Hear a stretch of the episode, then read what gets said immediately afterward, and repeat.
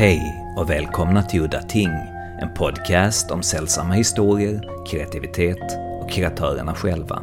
Mitt namn är Henrik Möller, musiken är skapad av Testbild och loggan till podden är gjord av Malmökonstnären Bartosz Nalecinski. I det här avsnittet ska jag intervjua Sandy Peterson, kanske mest känd för att ha skapat rollspelet The Call of Cthulhu, som bidrog till att en hel generation som var barn och ungdomar upptäckte Lovecraft när spelet kom ut under 80-talet. Själv upptäckte jag spelet tidigt 90-tal, precis innan Lovecraft-relaterade dataspelen började dyka upp och skulle då bli Lovecraft-inkörsporten för nästa generation. Sandy Peterson har också varit med och skapat dataspel på 90-talet, som till exempel Doom, som har en del Lovecraftianska influenser. På senare år har han återvänt till den analoga spelvärlden med brädspelet Cthulhu Wars. Detta och lite till ska vi prata om idag med Sandy. How did you discover H.P. Lovecraft and what impressed you about his stories? I was nine years old when I read my first Lovecraft book. And what had happened is that my is that we were living in a temporary house, um, and my father, who was a science fiction fan from way back, had kept um, his books, his science fiction books and other books in in boxes in the basement. So I would sneak into those boxes in the basement and I would pour through them, and they were organized pretty. And I'd find a book that looked interesting. I, I could only tell by the cover, you know. And then I would take it back to my room and read it. And one day I found a book from 1942, which was called The Dunwich Horror and Other Stories. So I took that and said, huh, I guess I'll read this. And then I read that and um, Pickman's Model first because it was short and I was nine, you know, so I wanted to a story. And I really liked it. Um, I'd already read some Poe at that time. I mean, I didn't really understand everything I was reading because I was only nine, but I liked it a lot. And um, then from then on, I was interested in finding more Lovecraft stuff. I read everything in that book, and I couldn't find more books by him very often. Every once in a while, there'd be a, a collection of stories I'd find that would have like one Lovecraft story, and I was and uh, I wasn't able to um, because I was so young. I couldn't actually uh, uh, consciously define why I liked Lovecraft so much. But in retrospect, it was because his stories were um, like went further than other people's stories and he always had a had like a, a scientific rational look at the way things worked. Um, i liked his use of language and the thing the tricks he does to pull you in were totally working on me. Uh, for example the fact that it's first person uh, so it seems like it's you. The fact that his characters don't have strong personalities to make it easier for you to identify them. Um, his the the trick he pulls with uh, making you argue against. Um, one of the features of Lovecraft is that uh, what he does is he has his main character instead of uh, instead of trying to convince you that the awful supernatural or alien thing is is real by saying, "Oh, well, it's possible to happen."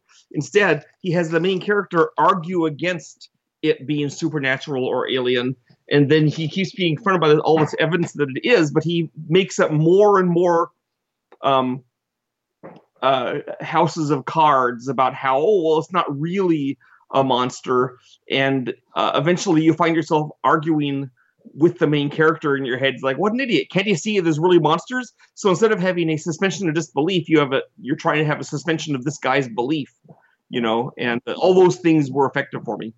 Um, I finally got my own copies of Lovecraft's books, besides that one single book, at the age of 17 uh, when Ballantine came out with uh, him in paperback. And boy, was I happy I could finally read all Lovecraft. So maybe the long look for Lovecraft for like eight years of trying to find his books had an effect too that kind of explains a lot of why I liked it. It was hard, he was hard to find. I didn't ha- no one else was like him. His his one of the things that also affected me is that I started reading other old horror type stuff like Frank Belknap Long, Clark Ashton Smith, Robert E. Howard's horror stories, and of course all these guys are using on August Derleth. All these guys are using Lovecraft's characters, and um and so it was like it made it seem more real that it was because no other book did that. You know, no other books shared mythologies like that and um, it gave the Necronomicon kind of an eerie uh, sense of reality. I'm curious to know, at that time, when you were a kid, did you have any friends or know anybody who was into Lovecraft? Every single person I knew who had read Lovecraft had read him because I loaned him one of my books. No one had read Lovecraft. He was completely obscure in America too. I mean, he's well known now in English, but but uh, I, I think but uh, part of that I think is due to my games, and part of that is due to Stuart Gordon's movies, which came in a little later. Um, and though those and so the the games and uh, Stuart Gordon's films, you know, Reanimator from Beyond, these kind of move through different aspects of the uh, of the fan culture and made him well known in a way that he wasn't before. But when I wrote the story Call of Cthulhu, I expected it to be a really obscure, small cult game, and uh, and it kind of was, but everyone knew about it and and read about it. And I've met so like thou- literally thousands of people that tell me I read Lovecraft because I played your game. So I know that I have you know that I have uh, helped expand Lovecraft because of the game, and also I know that the early royalties that Chaosium paid to Arkham House is what funded their reprinting of, uh, of Lovecraft's books. So there's that too. And how did that eventually lead into you getting a job at Chaosium and creating the Call of Cthulhu? Well, I didn't work at Chaosium when I first created Call of Cthulhu. Um, I was living uh, two states away. Uh, I was living further away from Chaosium than it's possible to be from someone else in Sweden. All right, and uh, and but I'd I'd published a couple things with Chaosium. I'd done the Gateway Bestiary, some magazine articles, a couple things in in one book or another and the play and uh, what happened is that uh, I, I submitted to Chaosium the idea of doing a uh, an expansion for RuneQuest, their their sword and sorcery game based on Lovecraft's Dreamlands universe, and they said they didn't want to do it because they were already working on a full on Lovecraft game set basically in the modern times and I was like, "You've done, you're doing a Lovecraft game in the modern times. Oh my gosh, I'm so interested. Can I help? Can I do anything with this? Can I talk about, you know, can I can I read it?" And then they came back and said, "Well, we don't like what the other guy's doing, so you can just have it all." And so I was like amazed, and uh, uh, and you know, then I spent a year writing it on a typewriter. This is 1980, 1980 when I was doing that, and it came out. And then after it came out, I then moved to California and uh, took a part-time job at Chaosium as a typesetter. Eventually, became their main game designer. Okay, so how did you come to write the Call of Cthulhu for Chaosium?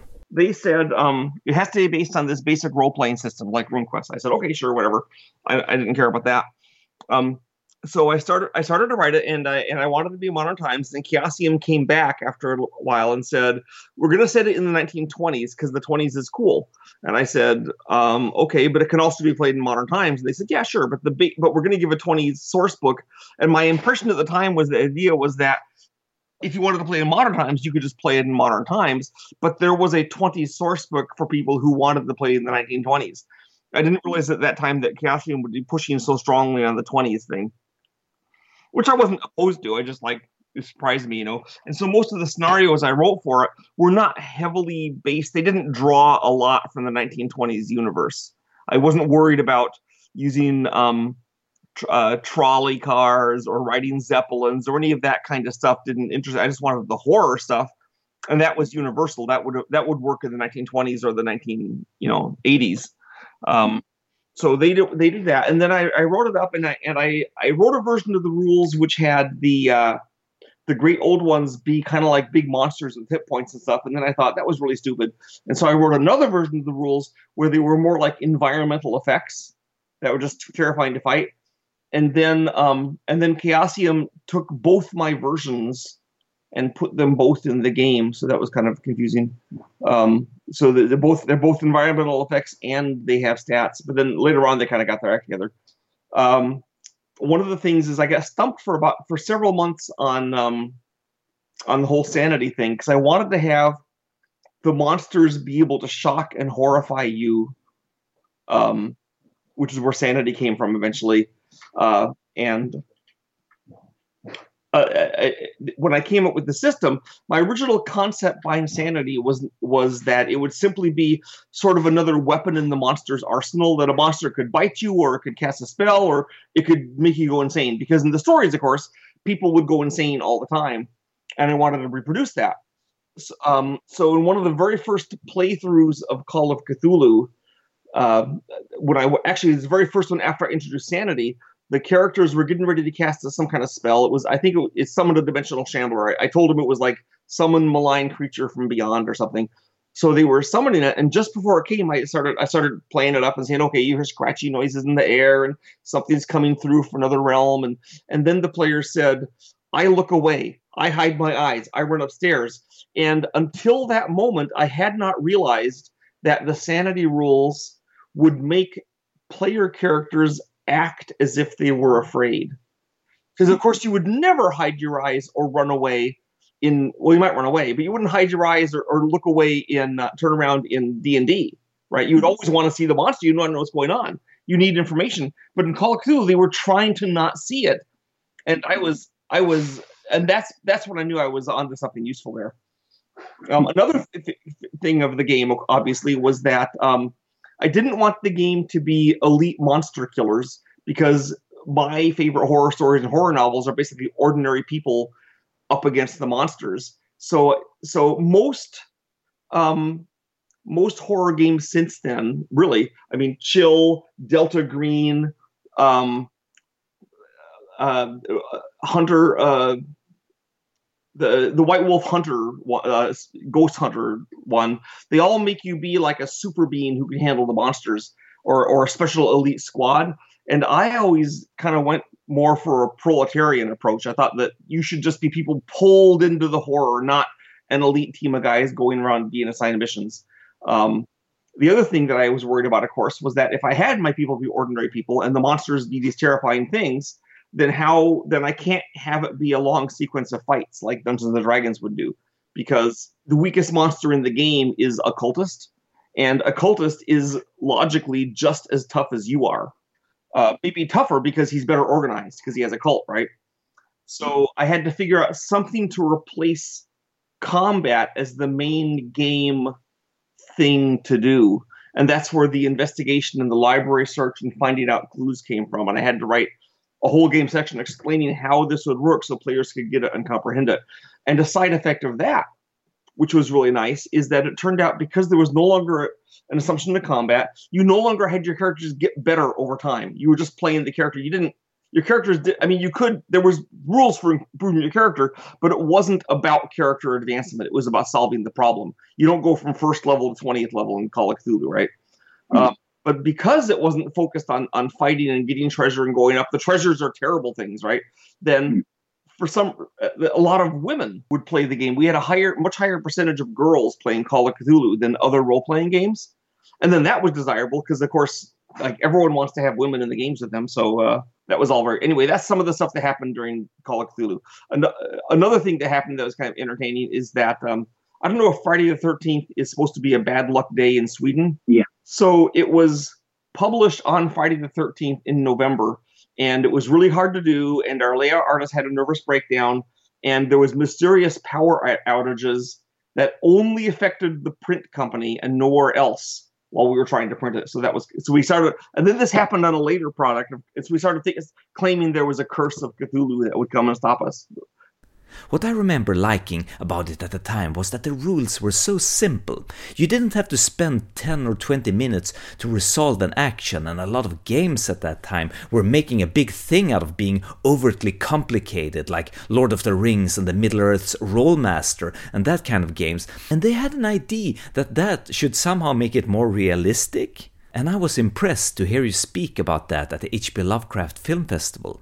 The rules was always meant to be simple and smooth flowing. Yes, yes, the rules are very simple and straightforward, and you didn't have to. And that was that was a thing I really liked about the, the basic role playing system. All you have to do is look at your character. You can see all your skills. You don't have to worry about levels or saving throws. It's just the, if you if you want to do something weird, like you like that, you ask the game master, "I want to pick this lock," and the game master has a lot of choices. He can say, "Okay, I guess that's mechanical repair." Or he could say, Do you have a lock pick skill? If he doesn't want you to pick the lock, then you say, Well, no. And he said, Well, you can't do it. I guess the base chance is five. Or he could say, uh, I think that's probably a dexterity times five roll, or you know whatever he wants, and he has he has different options that all work. Could you talk about some of the adventures you wrote for Call of Cthulhu, like The Shadow of Yog Sothoth? I, I mean, I wrote a bunch of the stories and I edited the others, and I had to I had to organize and edit the whole thing and and put together our first ever campaign for for Call of Cthulhu. It was uh, it was I played the whole thing through. Uh, we basically what I had for for Shadows of Yog-Sothoth was I had several adventures given me by other people, and I took them and I added linking adventures to kind of make the whole thing into one plot line. But it wasn't it wasn't as carefully coordinated as say Horror on the Orient Express or some of the or Masks of Nyarlathotep. It was our our first stab at it. So it was kind of like almost like an anthology of like there's different adventures that you can kind of put in order, but they weren't really always tightly related. I mean, it was it was fun to play, and people hadn't played the scenarios. The individual scenarios were cool, and I think that's what mattered.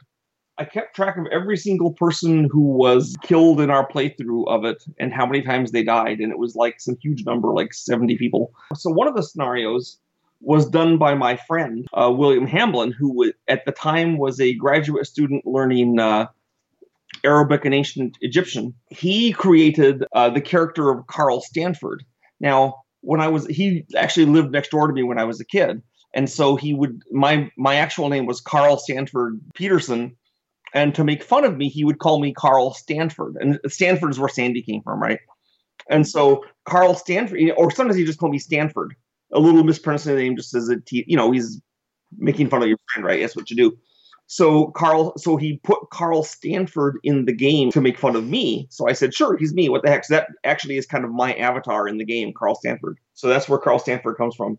Suddenly my mind went blank, but the name sounds familiar. In which adventure is Carl Stanford? He's in he's in the silver he's the head of the Silver Twilight Lodge. And he's and he's also I mean he's in Arkham Horror, he's in he's in uh, uh, the Call of Cthulhu card game, he's all over the place. He keeps appearing. He's one of the Call of Cthulhu doesn't have that many human characters. So Carl Stanford is an important one, and he appears in lots and lots of things. Um, as basically he's head of the Silver Twilight Lodge made ever, and of course the Silver Twilight Lodge I named it, and I I, ha- I wanted to have a uh, it's it's it's completely a takeoff on um, the Order of the Golden Dawn by uh, by, by a bunch of mostly by Madame Blavatsky and Arthur Machen and occultists from the 1920s, they had a thing called the Order of the Golden Dawn. So I said, "Oh, this is the Silver Twilight," and it's right the opposite. So that's that's where that came from. It was actually very simplistic, but it has caught on, and so there's adventures in it now still, and there's you know it's on the map of Arkham Horror, and it, it's everyone likes it, and, and everyone knows that the Order of the Silver, the Silver Twilight Lodge is run by Carl Stanford. So how long did it take to write it? it, it took a year to write Call of Cthulhu. It probably took a less than a year to put together um, Shadows of Yog-Sothoth, which we always called Soys because that was the initials S O Y S. It was always just Soys to us. Um, but we never abbreviated the name of Call of Cthulhu. It was always Call of Cthulhu. You know, I mean, one of the things that was interesting about Call of Cthulhu is that immediately after we started writing, after we did the the thing, we started getting submissions for adventures um, much more numerously than anything else we'd done. Um, people just wanted to do adventures for Call of Cthulhu, I think, because it was kind of like writing a horror story. So we were all, always bombarded by these adventures, and some of them were good, and some of them were bad, and some of them were um, were kind of good but needed modifications. So, for example, there was one adventure that I had. I can't remember what we called it, but it was basically the it was a supplement that was basically a, a bunch of expansions for the game. It had scenarios too, though. And um, and what happened is that he it was a very conventional scenario where in New England there was a spooky old town and there was a bad guy who was a sorcerer and he was doing bad things. He had to get him. And I and I thought, you know, we we're always in spooky old towns in New England.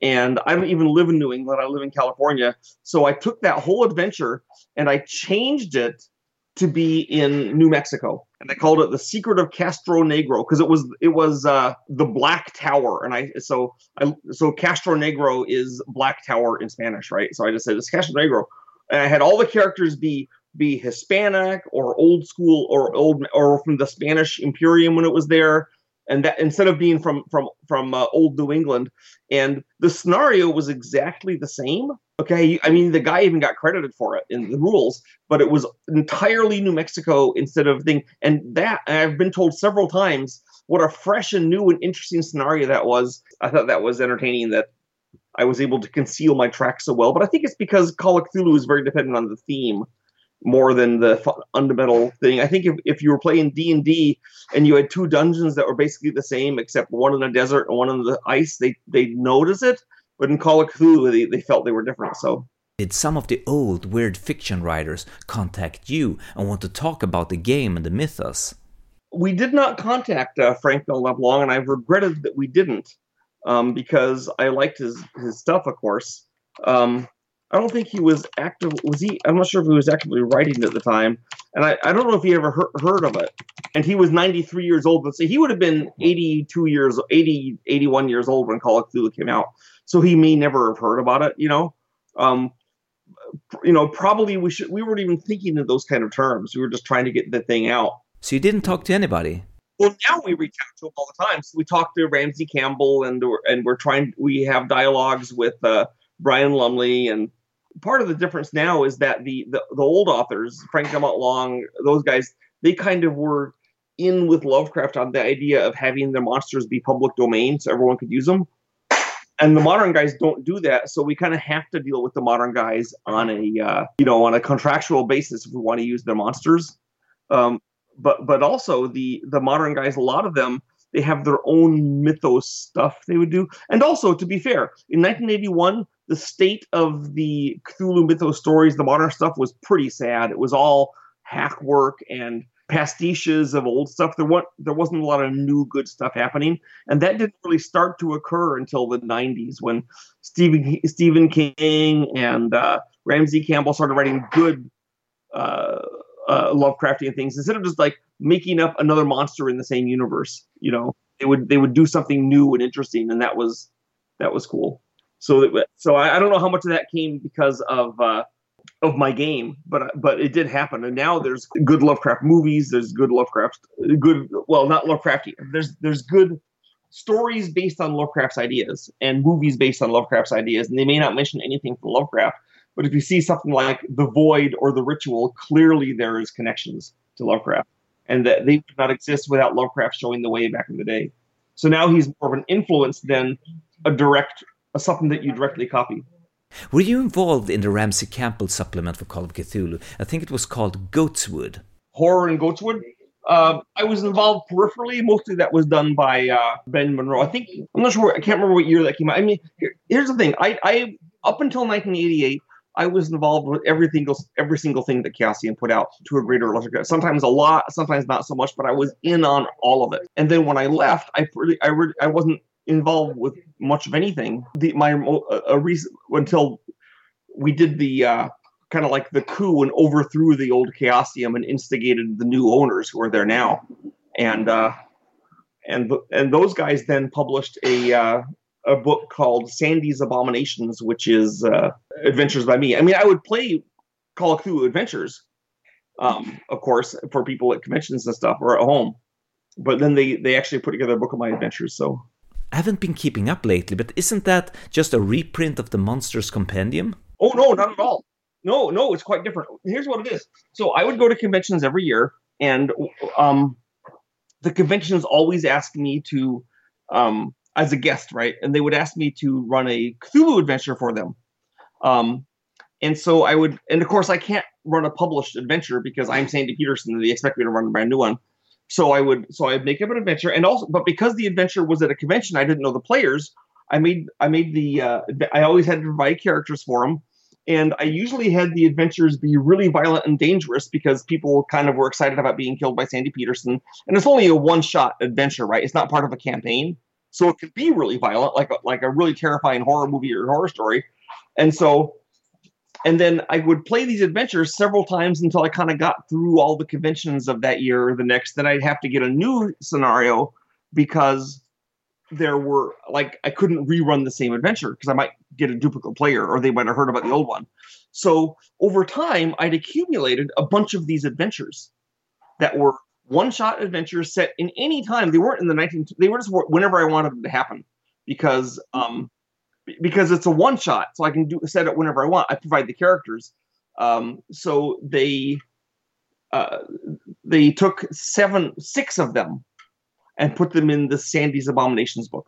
Okay, now I want to talk about your board game, Cthulhu Wars. Sure. So um, when I left Chaosium, I went into doing video games, and I did video games from 1988 to 2011. And uh, I worked on Doom and Age of Empires and Civilization and Quake and a whole bunch of games, uh, Halo Wars, and you know had success. And then um, I taught college for two years. I taught game development actually for video game development. I went into a small, basically failing um, iPhone ga- game company. I said, okay, I need I need a job. I haven't had any income for a year because I'm working putting my money into this iPhone thing that failed. And so I uh, my friends got me to. They said, why don't you do a Call of Cthulhu board game? you know a lot about board games. You love board games. You have millions of board games. So do a board game, um, and this will give us this will give us all some extra money and I said, that sounds like a good idea. And so what I did, what I also did was I, I had t- accepted a job for a company in India of all places to do uh, to design games for them. It was a really good salary, and they were going to give me a company car. Um, I would be in India for a year and then longer if they wanted. They were giving me a, like a share of the company. It was and it was a successful company. Um, it had a lot of games, so I was I was uh, I was looking forward for my Indian adventure, going to India and doing all this stuff. And so I put together the Cthulhu Wars game, and it went very smoothly. I've never had a game come together as smoothly and well as Cthulhu Wars did. It was like it just flowed out of me. Um, and it came together. It was, in fact, an early story from Cthulhu Wars. I'd started to design it the week before, and I so we were playing it with our friends. And um, one of my friends, Chris, um, looked at me after he played it and says, "How long have you been designing this game?" And I and um, I didn't want to admit it was a week old, so I said, "Oh, a, a couple months." And he said, "It seems really polished." And I said, "Wow!" I was glad that I admitted that it was like a couple, like a week or so. And uh, but it came together really well. I put together the Kickstarter for it with my friends, and then I was expecting that it would give me a couple hundred thousand dollars, maybe and that would be a little extra money to help support me while I was to give me even more money to cushion me when I was off in India making the big bucks for India for my eventual return home. But uh, but what happened, of course, is uh, it was two hundred thousand dollars the very first day, and it kept booming. And that first Kickstarter ended up being one point four million. I called India and said I'm not going to move to uh, to India. Um, my original plan was that Cthulhu Wars was going to be my very last project that I was going to design for myself. That was my idea. I was going to go and design games for someone else. And that's fine. That's how it usually is in the computer game world, you know. So this is my swan song, my final Cthulhu game. So I wanted to make it the my ultimate Cthulhu game with everything as cool as I could make it. And it was in my, my last game ever that was mine. And then uh, instead it became um, my phoenix of rebirth and like now I'm I from that I founded my own game company, Computer Games, and now I, P- Petersen Games rather, and now I'm doing multiple other games, and it's and it's uh, I mean there's been there's been tough times and fun times and scary times. Running your own company is like that, but uh, but it all came about because of uh, Cthulhu Wars. So my last game became the first in a sense. It's been pretty hard to get a hold of. I thought of buying it, but it was so expensive that I postponed it again and again, and then suddenly my friends pooled all their money for my birthday and said, Happy birthday, now go out and buy it. And then, all of a sudden, it was gone. I looked everywhere, and there was no information to be found anywhere. I even tried to get a hold of you and get clarification on what was happening. Because we're a small company and Cthulhu Wars is a very expensive game, we kind of have to like summon our forces before we could we could print copies of it you know? Because because you have to do it you know at least a thousand at a time. We wanted to do more than a thousand at a time. So the way we did it was we did other onslaughts. So we said here's the sequel to cthulhu wars and um and so this and we'll also reprint cthulhu wars in this. And then we did it a third time. And this year we did the fourth this is the last time this year. We said okay from now on cthulhu wars is strong enough that we'll just reprint it when we need when when it runs out. So it should be in print pretty much continuously from now on. Um, so that so the hard to find thing is going to not be the case for Cthulhu Wars. Although it is still the case at this moment for the Gods War, which probably won't go into print again until next year. So we're still trying to deal with the fact that we're a tiny company. See, people generally seem to think that Petersen Games is like a medium-sized company because we have that sort of footprint in the game market, but we're actually extremely small. We, we have like seven full-time people um, so we're minuscule. Could you describe it for people who never heard of Cthulhu Wars? What is it? So when I did Call of Cthulhu, that game set up the basic idea of you are heroic investigators working together against the horrors of the mythos, and um, and that was a really fun um, concept. So fun that pretty much every single Cthulhu game since then Arkham Horror, Alone Against the Dark, Elder Sign, they all used that exact same thesis. So when I did Cthulhu Wars, I didn't want to have that be the thesis. I didn't want to do that again because I'd already did it with Call of Cthulhu and I wanted to do something new. And the other thing is that always when you play Call of Cthulhu, one of the other games, the game always ends either with you preventing Cthulhu from coming back or he comes back and then the game ends because it's over because he came back. So you in fact never get to see Cthulhu with all his power on Earth, with with with telepathy blanketing the air. Everyone's going insane or receiving visions. Mountains of protoplasm rising from the sea, dimensional angles shifting and changing it and altering the very structure of the reality. None of that happens because that ha- because you prevent it or Cthulhu when he comes back you don't worry about it. And I wanted to see that. I wanted that to be in the game. So Cthulhu Wars is set after Cthulhu is when Cthulhu is about to rise actually. And of course then the concept is well if if Cthulhu is rising, what can possibly stop him? The humans can't. We know that. So I said other guys like him. So I, I posited that the other great old ones and the elder, and the outer gods, you know, Yog-Sothoth and those other guys, that those are his opponents, and and each one of them is designed to be really unbalanced and powerful and and and and all encompassing horror and then all of them fighting together makes for a really fun strategy game um, in which the, the factions feel very different. They develop along different lines. They have different plans and different strategies. And each time you play they can do their things in a different way. Part of the game is informed by uh, uh, video game concepts. Um, the asymmetry, for example, is one. Another is that the way you earn your spell books in the game, your magical spells, which are different for every faction, um, is based on kind of a video game achievement system where when you accomplish a certain task, then you get the spell book. And then you keep it even if later on that task goes away. So, like Cthulhu gets a spell book when he has three gates in ocean areas. And if he later on he loses one of those gates, he doesn't care because he's kept his spell book and he can still do devolve or whatever the spell book is. So every time you play, you can change out what you're doing either by changing the order in which you get your spell books or by doing the tasks in a different order to achieve those spell books. So uh, I, have heard people what people tell me um, is that it feels like you are an unstoppable force that nothing can beat if you can only get your act together and get all your things ready to go. Of course, the problem is everyone else is trying to do it too. So. I know you're a big fan of film. Do you have a favorite Lovecraftian film or a film that you think captures the spirit of Lovecraft? Well, I actually have a I have a YouTube channel called Sandy of Cthulhu, and in this channel, I've named my favorite Lovecraftian movies without Lovecraft. Well, obviously, so so let me go to my favorite Lovecraft movies. I mean, obviously, I love Reanimator from Beyond and Dagon. Those are spot on Lovecraft movies, obviously, and they're based right off Lovecraft. Um, I don't know if you you're probably aware of the fact that I was the executive producer on HPLHS's The Whisper in Darkness movie. I had zero creative input on the movie. I only provided money to help get it finished, and I and that's fine with me. That's that's all. It, what's they needed from me? They had a really good movie. I saw it without the special effects, and they said we need cash for the special effects, and I gave them the money on the with the belief that if I didn't get the money back, it was worth it because once this movie was done, it would be an ongoing artifact that was good. And in fact, I didn't get all my money back because uh, they got robbed by their uh, Canadian distributor.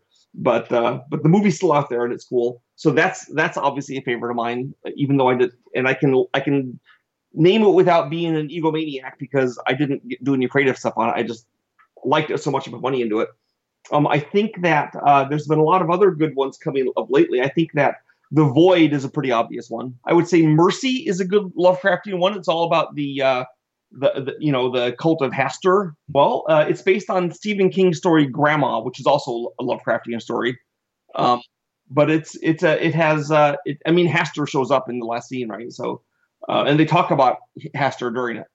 Um, so there actually the the the Hastur character is kind of lame um, when you see him, but but his, the feel of him and what he does and the that's all cool. So there's that. So I would say that's very Lovecraftian. There's a, uh, a movie called Absentia, not the TV show, but the movie, which is very, it's like no budget, but it has the idea of something coming in from another dimension, which Lovecraft did a lot, really, really effectively. Oh yeah, have you seen Baskin, the Turkish movie? Yes, love it. Of course, it's not Lovecraft, but it is a little bit because when they go into the Santa cult, that guy, the cult leader, you know, I swear that guy's got deep one blood. You know, he didn't have any makeup. You know, he was just a. He actually was uh, parking cars somewhere when they hired him. He was, but he does really good. And what I really loved about the guy in Baskin was that as the cult leader, he when he talks instead of just being a crazy cult leader, he sounds wise, evil but wise.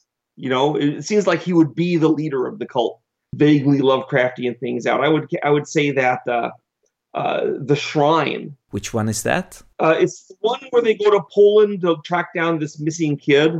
There's a fog in the woods. Yeah, I'm looking it up right now on IMDb. Don't don't look up any of the plot. You're gonna love it without. Ah, I haven't seen this one. Well, you're in for a treat. I think you'll really like it.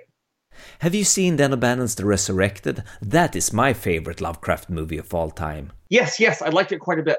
Yeah, I like. Yeah, that's a good Lovecraft one with uh, Chris Sarandon as uh, Joseph Curwen. Yeah, that was good. Um, I like. I really like the way they portrayed the the the guardian creature, the incomplete creatures. They made them like Lovecraft described. Um, so that was effective. I like that quite a bit. I think the Beyond um, by Lucio Fulci. The Beyond is really fun, and it has Clark Ashton Smith's book, The Book of Eibon, in there. The Beyond is, in my opinion, one of the great horror movies of all time, except for those stupid um, fake spiders everything except the fake spiders was great. but but but Fulci also drew on on Lovecraftian things in uh, City of the Walking Dead, where it actually takes place in Dunwich. Well, I don't think that really counts. They just borrowed the name Dunwich. Well, it's not just the name because it's also the the end of the world going on, right? The dead come back to life, and uh, the gates to hell opening, and it's and they're kind of Lovecraftian dead guys because they aren't really zombies. I mean, they're zombies in front in the Beyond, but they're not zombies in uh, City of the Walking Dead. They're much worse. Have you seen 1200 AM? Oh yes, that's a great film. That is a great little film, and it's it's uh, it's it's not.